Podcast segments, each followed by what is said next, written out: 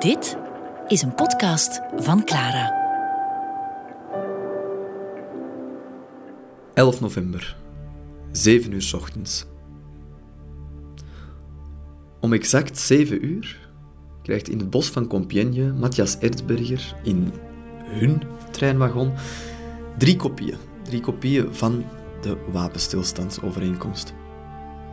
En dan krijgt hij meteen een kaart daarbij.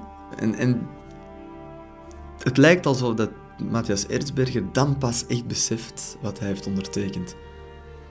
Op dat kaartje staat getekend welke gebieden in Duitsland bezet zullen worden door geallieerde troepen. En hij beseft meer dan ooit dat hij het doodvonnis getekend heeft van zijn eigen land. Hoe dat de geallieerde troepen het roergebied, het kloppende hart van de Duitse industrie zullen bezetten. Maar hij weet ook dat er nu niks meer mag mislopen. En hij stuurt meteen zijn koerier op weg om één van de kopieën naar Spa te brengen. Een Frans vliegtuig staat al klaar. Terwijl Matthias Erzberger in zijn trein de documenten aan het bekijken is en zijn koerier wegstuurt, zit in de andere trein in het bos van Compiègne, de trein van de geallieerde onderhandelaar, Ferdinand Foch. En hij heeft alles voorzien. Hij staat klaar om te vertrekken naar Parijs en zijn positie in de geschiedenis in te nemen. Hij wil verzilveren wat hij die ochtend heeft laten tekenen. Hij wil zijn macht tonen. Maar eerst moet er een foto gemaakt worden. Hij heeft instructies gegeven, vanuit het hoofdkwartier moet er een fotograaf komen om dit historische moment vast te leggen. Rond kwart voor acht staan de geallieerde onderhandelaars klaar voor de historische treinwagon. Een heel bijzonder moment. De fotograaf maakt zich klaar. De mannen posteren zich voor de wagon waar dat de handtekeningen zijn gezet, maar voor de Duitsers is er geen plaats. Matthias Erzberger en co. moeten vanuit hun trein toekijken hoe dat de andere mannen, de Fransen, de Britten, klaarstaan voor een foto. En datzelfde beeld zien enkele bewakers in dat bos. En zij kijken vragend richting uh, de groep geallieerde onderhandelaars. En Ferdinand Foch ziet dat. Hè. En hij, hij roept hen toe. En hij roept... La guerre est finie, mes enfants. En die gasten, ja, zo gepakt door de, door de emoties, hè, wisten natuurlijk niet wat er de afgelopen uren daar in dat treinstel was gebeurd. Ja, die, die kunnen niet anders en ze brengen het saluut aan hun maarschalk. Veel tijd om te rusten of te feesten. Er was een nacht lang dooronderhandeld. Uh, is er niet. Hè. wordt meteen uh, ingepakt en Ferdinand Foch vertrekt met de wagen richting Parijs. Want daar zal hij de wapenstilstandtekst overhandigen aan de president en aan de premier die daar op hem wachten.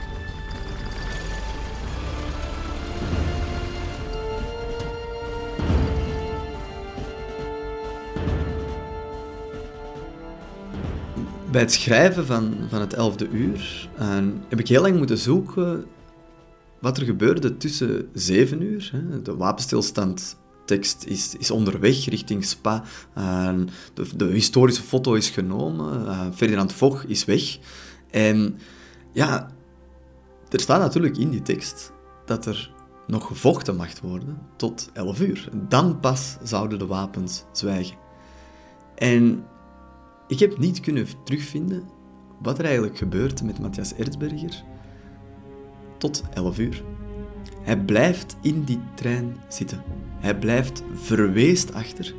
En ik denk dat wij ons 100 jaar later alleen maar kunnen proberen voor te stellen hoe dat die man daar moet geworsteld hebben met de gedachte, wat nu? Hè? volledig in de handen van de geallieerden, want hij is eigenlijk tot hun beschikking. En zolang dat die trein niet zal vertrekken, kan hij niet naar huis. En de trein zal ook pas enkele minuten voor 11 uur wegrijden uit het bos van Compiègne.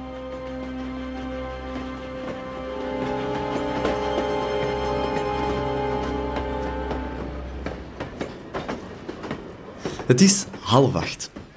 En het eerste ochtendlicht breekt door. En in Bergen, het Henegouwse Bergen, waar de Britten en de Canadezen uh, ja, al, al, uren aan het strijden waren geweest uh, om de stad te bevrijden, is het gewoon feest. Er wordt een grote bevrijdingsstoet opgezet.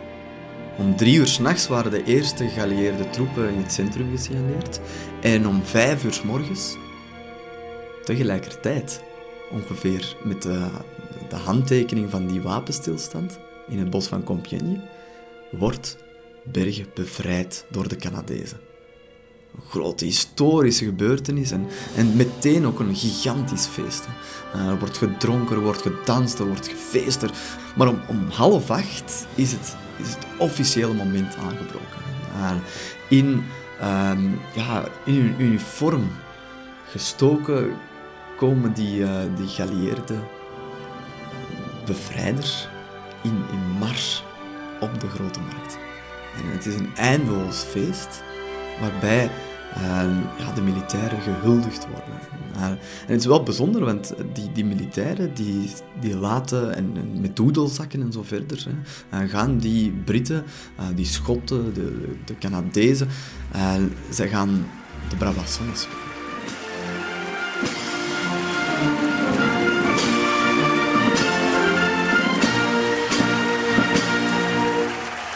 Beetje een, een vreemde sfeer, want dan bij wijze van, van van antwoord uh, reageert de bijaard van Bergen met een wel knullige versie van uh, It's a Long Way to Tipperary.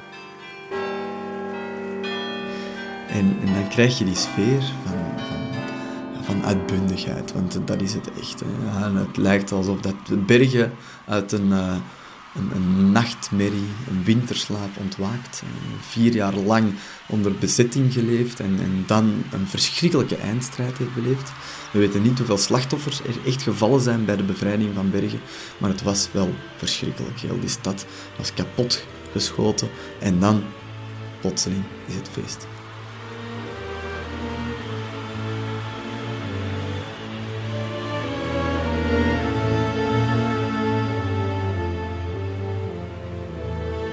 Eén man die we al een enkele uur aan het volgen zijn, is Wilbert, een Canadese korporaal. En hij is een van de bevrijders geweest en heeft ongelooflijk veel gezien die nacht. Hij was de nacht begonnen in treurnis, met, met het afscheid van twee van zijn, van zijn soldaten, die voor zijn ogen zijn gestorven, zijn uh, getroffen door een granaat. En dan is hij de nacht ingegaan, heeft hij een Duitser zien vermoorden. Hij heeft zelf nog Duitse soldaten gedood. En dan plots is er die bevrijding. En ja, hij is de onderofficier. En hij is een leider van een, van een peloton. En hij maakt zich zorgen. Die kleine groep soldaten heeft, heeft de vorige dag echt iets verschrikkelijk meegemaakt. Hè. Ehm, vooral Jim Mills. Uh, Jim Mills is de soldaat die de vorige dag zijn broer voor zijn ogen heeft zien sterven. Uh, is zelf nog een, een, lange leidersweg geweest, want Jim Mills wilde niet geloven dat zijn broer dood was. En, en Will Bird heeft ja, van alles moeten doen om, om hem te overtuigen. Hij heeft zelfs een brancadier moeten bijhalen en, en, en uiteindelijk na, minutenlang ja, dat lijk vast te houden, dan pas had Jim Mills door dat zijn broer voor altijd weg was. Maar het meest pijnlijke was dat hij de twee lichamen had moeten achterlaten. Want ze moesten oprukken naar, naar Bergen en, en, en de strijd moest doorgaan. En in die ochtend, die bevrijdingsochtend in Bergen, is, hij, is Will Bird bezorgd. En, en terecht. Want Jim Mills zit constant te proclameren, hij is ook al goed, goed in de wind, hè, dat hij wraak gaat nemen. En niet op de Duitsers. Hij is eigenlijk niet kwaad op de Duitsers. Jim is kwaad op het Canadese opperbevel. En hij roept eigenlijk, ik, ik, ik, ik kan die vermoorden. Ik kan de grote generaal vermoorden. Maar er wordt op dat moment al gesproken van een intrede van die grote generaal. En Will Bird denkt dat, dat Jim Mills echt in staat is om, om, om aan te leggen en, en, en die generaal daar te gaan, te gaan doodschieten te midden van die bevrijdingsstoet. En Wilbert heeft een oplossing. En hij denkt, als ik het lichaam van die broer ga halen, dan kan die misschien meegenomen worden in de stoet. De lichamen van, van gesneuvelden werden eigenlijk ja, gedragen als een soort van eerbetoon in die stoet. Dat waren de mannen, de helden, die hun leven hadden gegeven voor de bevrijding van, van Bergen. En hij, gaat op weg, maar dat duurt natuurlijk heel lang en hij is net te laat. Dus, dus om half acht, als die stoet daar begint, komt hij daar aan en met die twee lichamen en hij kan eigenlijk niks doen. En tegen dan is, is die, die Jim Mills al volledig dronken en zit hij daar te roepen enzovoort. En hij gaat eigenlijk in paniek, Wilbert gaat in paniek naar, naar een officier. En die officier die zegt, pakt uw man mee naar een of ander café en voert die zo dronken dat hij pas de volgende dag zal terug bij bewustzijn zijn. En die opdracht geeft Wilbert aan zijn mannen. Pakt een Jim mee, voert hem dronken. Ongelooflijk. Wat een filosofie. Terwijl dat die mannen daar eigenlijk geëerd zouden moeten worden, beseft Wilbert dat hij zijn, ja, zijn mannen dronken aan het voeren is om ervoor te zorgen dat zij de ellende van de vorige dag en, en de nacht zouden vergeten. En hij, later denkt hij ook na en hij komt ook, 13 jaar na de oorlog, gaat hij terug naar Bergen en bezoekt hij al die plekken. En ehm, dan, dan denkt hij na over heel die ochtend. En, en hij vindt achteraf gezien heel die ochtend opgezet spel. Het was een soort eerbetoon. Ook hij, hij beschrijft dat de militairen die daar in die stoet liepen, dat dat helemaal de militairen niet waren die Bergen hadden bevrijd, maar dat waren degenen die proper in uniform werden aangedragen om ja, een glorieus moment mee te maken. De camera's stonden daarop, we hebben daar bewegende beelden van, we hebben daar foto's van, maar dit waren niet de echte mannen die hun leven, of bijna hun leven hadden gegeven, om de Henegouwse belangrijke symbolische stad te bevrijden. Want dat was het, het was symboliek. De journalisten die daar aanwezig waren, die beschrijven ook, hè, en Bergen was de eerste stad waar er door Britten werd gevochten in de Eerste Wereldoorlog. In augustus 1914 zijn daar ook de eerste Britten gesneuveld.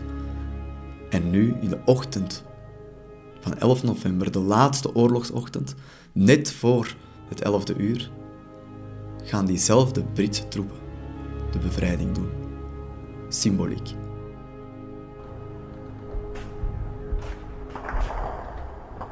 Op hetzelfde moment, terwijl ze in Bergen aan het feesten zijn, wordt er in Frankrijk aan het Maasfront nog hard gevochten. De Amerikaan Joe Romandahl is al heel de nacht aan het front. Hij heeft een mars van 12 uur in de benen en hij is totaal uitgeput. Al vier uur zit hij vol in de frontlinie. En eventjes heeft hij tijd om te rusten. Uit het niets kregen we allemaal het order om de loopgraven uit te springen en over de heuvel te gaan. Even leek alles stil, maar toen draaiden plotseling de Duitse soldaten hun machinegeweren in onze richting. Vanaf dan konden we enkel nog korte stukjes lopen en dan telkens neer te vallen in de hoop dat de kogels over ons zouden vliegen. Ik zag ze inslaan in de grond en hoorde ze over mijn hoofd zuizen.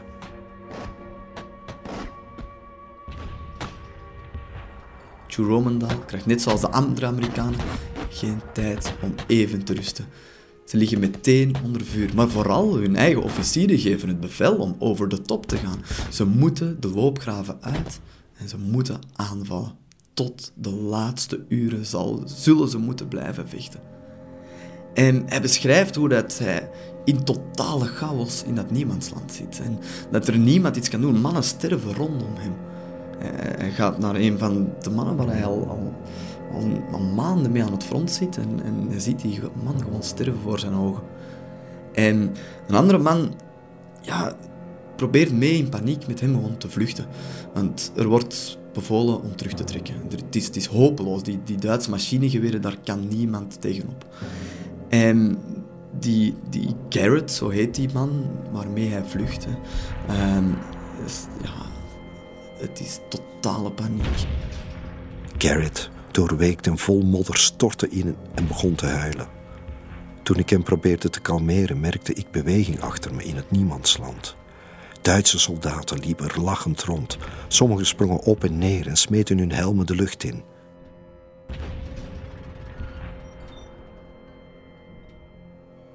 Wat Joe Romandaal daar beschrijft, is ja, bijzonder bitter. Ze liggen daar onder vuur, mannen sterven.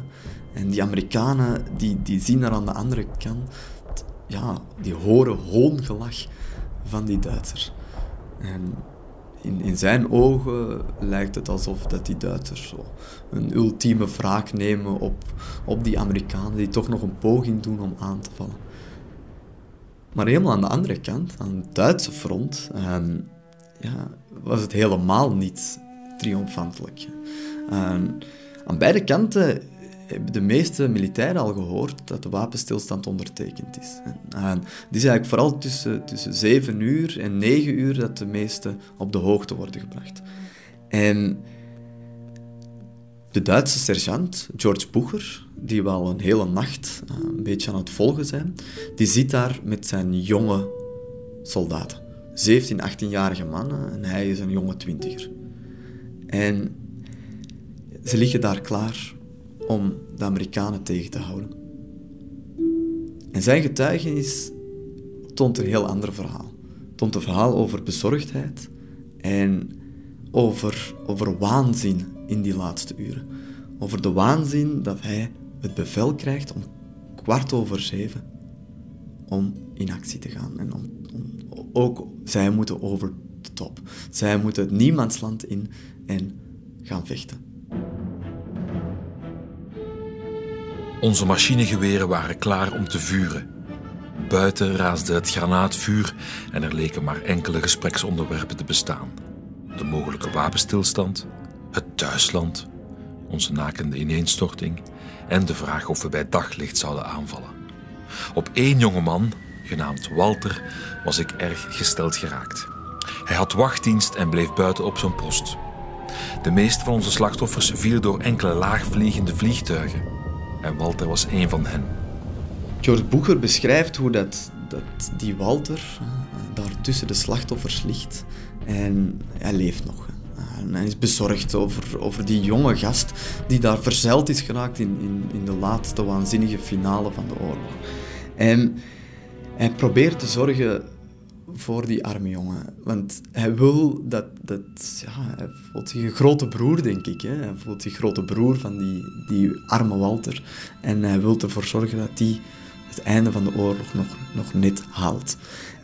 Hij, loopt naar Walter toe en, neemt hem in zijn armen, probeert hem te kalmeren en brengt hem naar een schuilplaats.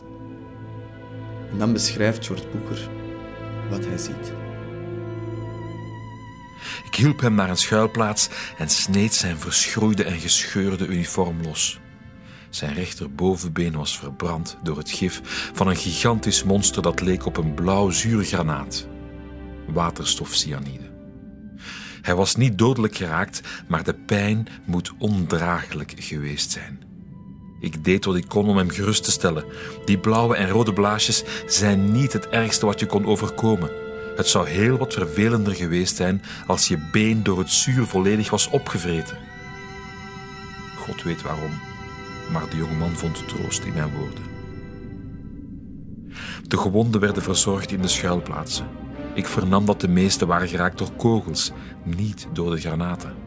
Onze compagniecommandant kwam aangerend. Staakt het vuren om elf uur, juichte hij al springend. Verspreid het nieuws. Ik dacht eerst dat de officier krankzinnig geworden was. Maar na een tijdje drong het nieuws tot me door. Walter zat daar te snikken. Ik zal toch niet sterven nu er een wapenstilstand is? Toch niet aan zo'n kleine brandwonde, stelde ik hem gerust. Is het echt waar? Over de wapenstilstand bedoel ik? Ja, om elf uur is de oorlog voorbij, stamelde ik. En hij hoopt dat Walter het volhoudt en dat er uiteraard geen nieuwe aanval zal plaatsvinden. Maar die hoop was tevergeefs. Ze zullen nog uren in de frontlinie onder vuur worden genomen door de Amerikaanse kanonnen.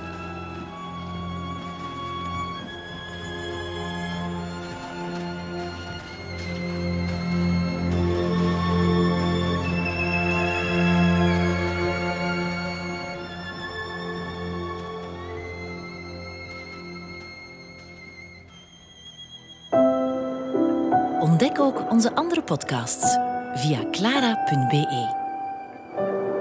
Clara Podcast. Blijf verwonderd.